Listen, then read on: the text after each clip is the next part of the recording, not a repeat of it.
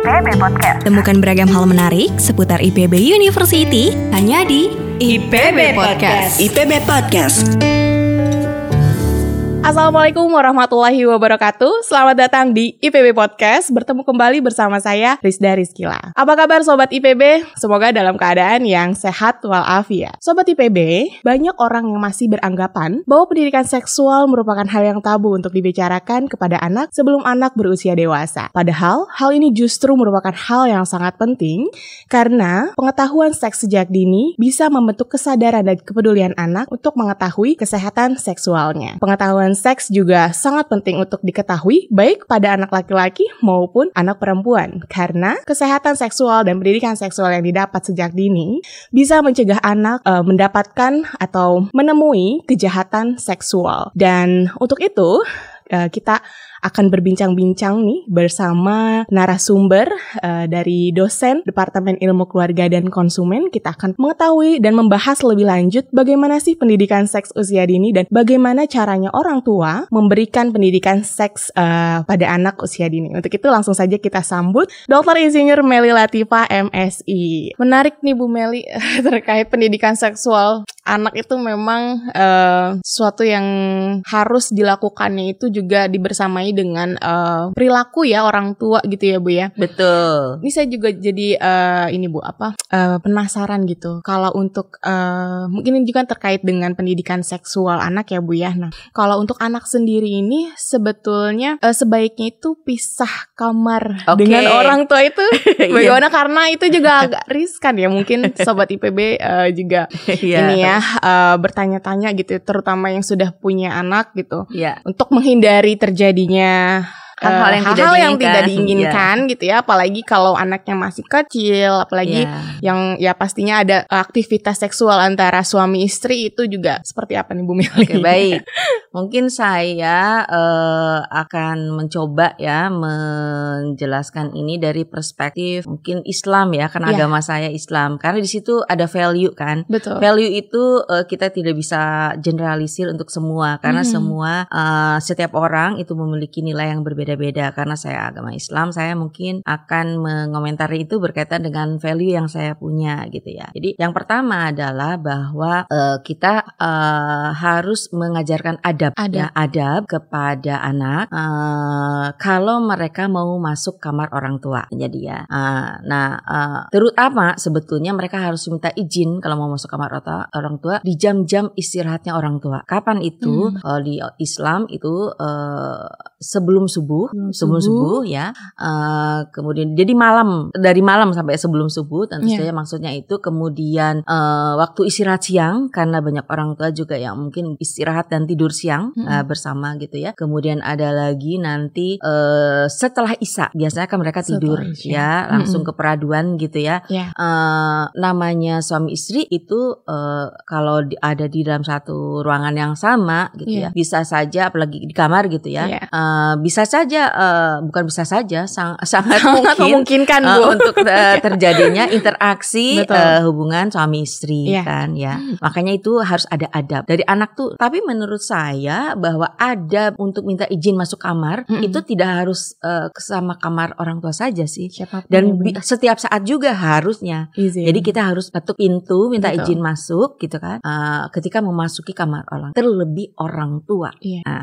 nah ini harus dari kecil dari diajarkannya. Kecil, ya ya itu satu. Yang kedua, anak dan orang tua itu sebaiknya uh, dari uh, tidur terpisah. Tidur terpisah. Uh, tidur terpisah uh, setelah uh, dia disapi, okay. Ter terutama setelah disapi. Hmm. Selambat-lambatnya sebetulnya uh, usia tiga tahun, ketika hmm. dia mulai tertarik pada uh, uh, apa lawan orang jenis. tua lawan jenis, orang uh, tadi ya, ya uh, hmm. yang seperti Simon Freud bilang ya. Lalu, uh, tapi ada juga mereka yang mengatakan paling tidak kelas 5 SD lah. Eh oh. sorry, amin lima tahun, tahun. preschool. Oke. Okay. Preschool. Nah, gitu. Ada itu juga pisah kamar ya, Bu ya? Nah, pisah kamar. Pisah kamar. Nah, itu antara laki-laki dan perempuan ya. Hmm. Uh, in uh, juga kalau bisa anak perempuan juga mereka punya kamar sendiri itu better ya. Hmm. Jadi sendiri-sendiri setiap anak kamarnya. Tapi in case kamarnya sempit, maksudnya uh, sedikit ya, hmm. sehingga uh, pisahlah anak laki-laki dan anak perempuan. Jadi anak laki dengan anak laki-laki, anak perempuan dengan anak, anak perempuan, perempuan ya. Lalu kalau satu kamar berarti kan ada anak-anak satu kamar nih. Iya. Iya. Nah, mereka tidak boleh tidur satu kasur, Hmm. tidak boleh satu kasur, Satu kasur. Ah, apalagi satu selimut. Oh iya. Tidak boleh Betul. ya. Dia harus tidur di eh, ranjang sendiri-sendiri. Hmm. Belilah ranjang susun. Tingkat bertingkat gitu ya, kalau kamarnya sempit ya. ya. Iya, Nah, bisa belilah- disiasati ya, Bu ya. Iya betul. Jadi kenapa? Karena banyak kejadian-kejadian yang tidak diharapkan justru antar Iya. ini saudara ini gitu. Iya, Karena betul. mungkin entah dengar dari teman Mm-mm. gitu ya, Eh, atau entah karena kecerobohan orang tua Hmm. yang tidak disadari dia melakukan hubungan seksual dan anak menyaksikan, dia menirunya. Oh di bawah selimut ada yang usek-usek apaan nih? Aduh. Nah Iya. gitu kan Dia mungkin nggak tahu Pokoknya usek-usek aja di kamar tidur Kalau usek-usek tuh ngapain Nah mungkin awalnya seperti itu Lama-lama dia kan explore Nah gitu. Mencoba mempraktekkan gitu ya, Bu Iya, jadinya. Explore ya Explore. Explore eh, dengan tadi ya apa namanya eh apa organ-organ seksualnya begitulah Iya. kira-kira gitu ya Eh, mungkin bisa saling meraba atau apa dan seterusnya Mm-mm. makanya harus dipisah Harus tidur itu harus dipisah. sendiri aja pokoknya Iya. baik anak perempuan dengan perempuan apalagi dengan anak laki-laki jenis kelamin gitu ya, Bu ya. Iya. Oke, jadi memang Ah, ah. harus dipisah Harus dipisah. sejak kecil. Mandi. Oh iya, mandi. iya, ya.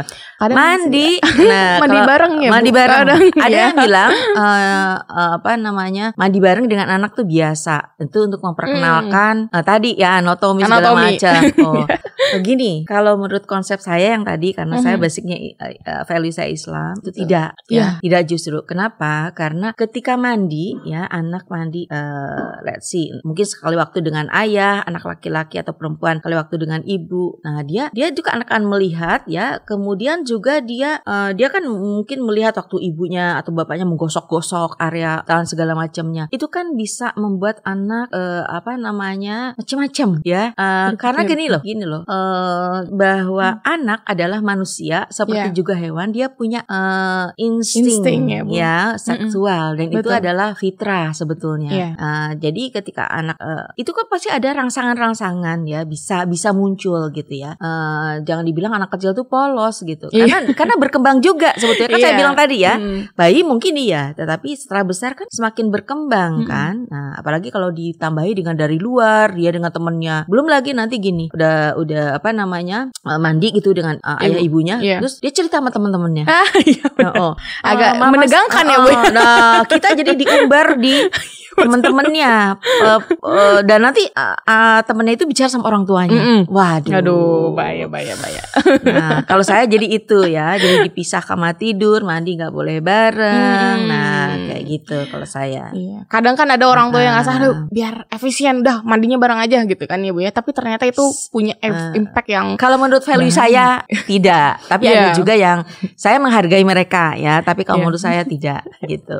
Oke, jadi eh tadi banyak sekali ya yang sobat IPB juga dengar ya tips-tips dari Bu Meli gitu ya apa saja yang harus dilakukan eh dari orang tua ya dan sebetulnya saya ada eh, pertanyaan juga sih Bu dari sisi anaknya gitu ya Bu. Apalagi kalau kita ngelihat fenomena-fenomena di akhir-akhir ini gitu ya. Tadi yang saya sempat spill itu eh, anak yang dilakukan eh, pelecehan gitu ya dicium bagian eh, pipinya. Kemudian juga terakhir ada ibu yang berani gitu ya secara berani itu men, apa mengejar ya orang yang eh, melecehkan anaknya ya anak laki-laki. Nah untuk eh, anaknya sendiri nih Bu kita menghadapi eh, pelecehan atau mungkin ya kejahatan yang dilakukan orang dewasa itu sendiri Mm-mm. sebetulnya apa yang mereka harus eh, lakukan gitu karena tadi ibu sempat eh, bilang juga bahwa mereka secara fisik masih lemah secara pemikiran juga mungkin ada yang eh, masih lemah Nah, apa yang saat momen itu terjadi apa yang perlu apa perlu untuk dilakukan oleh Oke. anak Yang jelas eh, karena anak lemah tadi, Iya. orang tua lah yang justru harus menjadi eh, support sistemnya untuk Oke. menghadapi kondisi anak seperti ini. Jangan dianggap sepele gitu. Iya. Anak itu bisa jadi dia waktu itu mengalami pengalaman trauma betul ya. Eh, apalagi kalau dia paham bahwa diperlakukan seperti itu tuh termasuk yang sudah diajarkan orang tua. Mhm. Jangan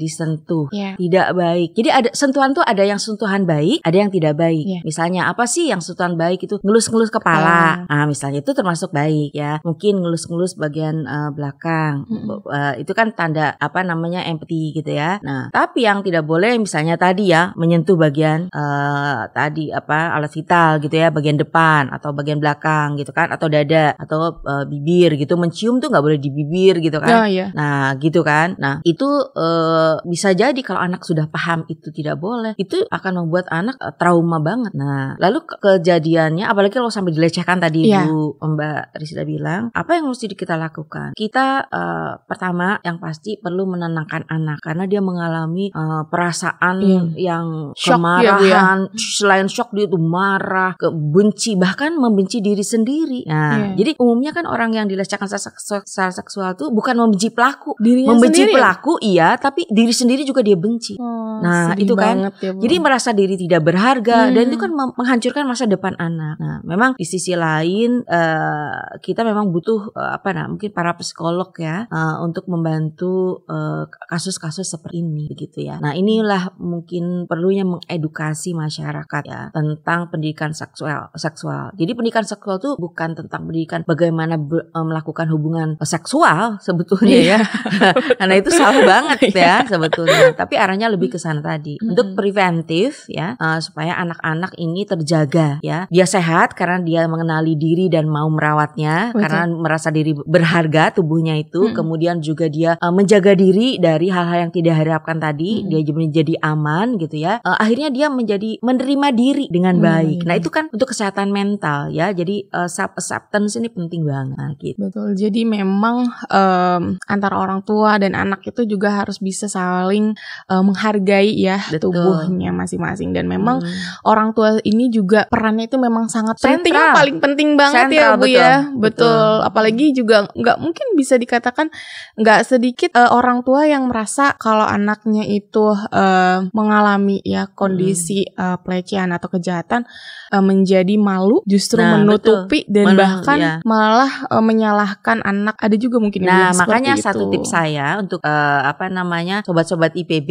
gitu ya adalah buatlah diri kita ayah dan bunda ini dipercaya oleh anak Mhm. ya membuat anak nyaman berada di dekat mereka Nah, sehingga mereka tidak malu tidak sungkan tidak takut tidak cemas untuk mengatakan hal-hal yang baik yang dialami tetapi juga hal-hal yang tidak baik yang tidak bikin mereka nyaman yang mereka alami Betul. nah gitu jadi Ya. lebih baik anak bicara eh, walaupun yang buruk-buruk ke Mm-mm. kita Iya. bukan ke yang lain Betul. Sup- karena kalau orang tua kita sebagai support system utama anak Mm-mm. itu bisa Mm. melakukan tindakan yang lebih tepat untuk anak ketimbang Iya. orang lain. Mhm. Nah bahkan mungkin ke orang lain anak ini bisa dijadikan oh anak ini udah pernah dilecehkan. Oh Nah, kalau biarin ketemu aja. sasaran, kalau ketemu yang dia adalah ini wah ini sasaran empuk nih. Hmm. Ah gitu. anaknya ya Bu ya. Jadi malah dia uh, berkali-kali Berkali-kali. mendapatkan iya kesusahan. Hmm, Berarti artinya orang tua nih ya sobat IPB yang sudah menjadi orang tua gitu ya, kita juga perlu untuk menerima tidak hanya emosi baik dari anak Iya. tapi juga emosi Negatif. yang artinya eh, kesakitan gitu ya Iya. atau mungkin rasa tidak nyaman yang dirasakan oleh anak itu juga perlu untuk eh, bisa kita Diterima. terima ya Bu ya. Itulah orang tua, Iya. fungsi orang tua. Jadi uh, kebutuhan anak tuh sebetulnya simple, Mhm. dicintai, dicintai, diterima, diterima. dan dia merasa aman dengan orang Orang tua. tua. Itu, sobat. Insya Allah kalau anaknya seperti ini, dia akan menjadi uh, orang dewasa nantinya yang sehat ya secara.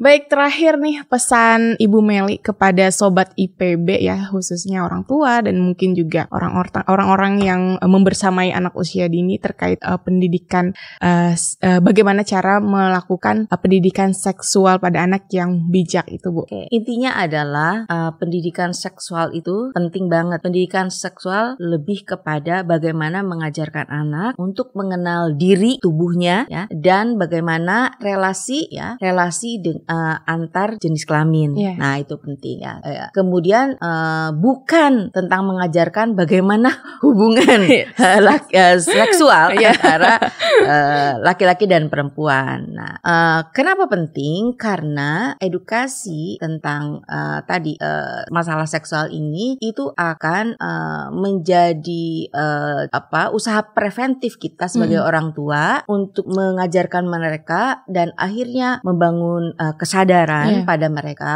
tentang hal-hal yang berkaitan ketubuhannya, kemudian interaksi antar jenis kelamin bahkan juga sesama jenis Iya. gitu. Hmm. Mana yang proper, mana yang tidak, Tidak proper gitu. Jadi ajarkanlah itu sejak dini. Dini. Nah, kemudian kalau bisa kuasai eh, masukkan nilai-nilai Hmm. ya, nilai-nilai apa namanya? agama dan budaya yang Anda anut ya. Eh, dan pendidikan seksual bukan berarti secara khusus memberikan pendidikan eh, apa namanya? eh, seksual tetapi juga eh, bagaimana eh, mengajarkan ini eh, sekalian dengan kegiatan-kegiatan eh, apa namanya seperti tadi ya ketika buang air besar dan kecil gitu Mm-mm. kan Eh, dan mungkin ketika anak bertanya itu adalah saat yang paling tepat atau kesempatan terbaik kita Mm. justru untuk eh, mengajarkan tentang pendidikan seks pada anak mungkin itu saja jadi jangan pernah eh, merasa ragu Ya. ya untuk melakukan itu pada anak karena penting buat terima kasih eh, sobat Oke. IPB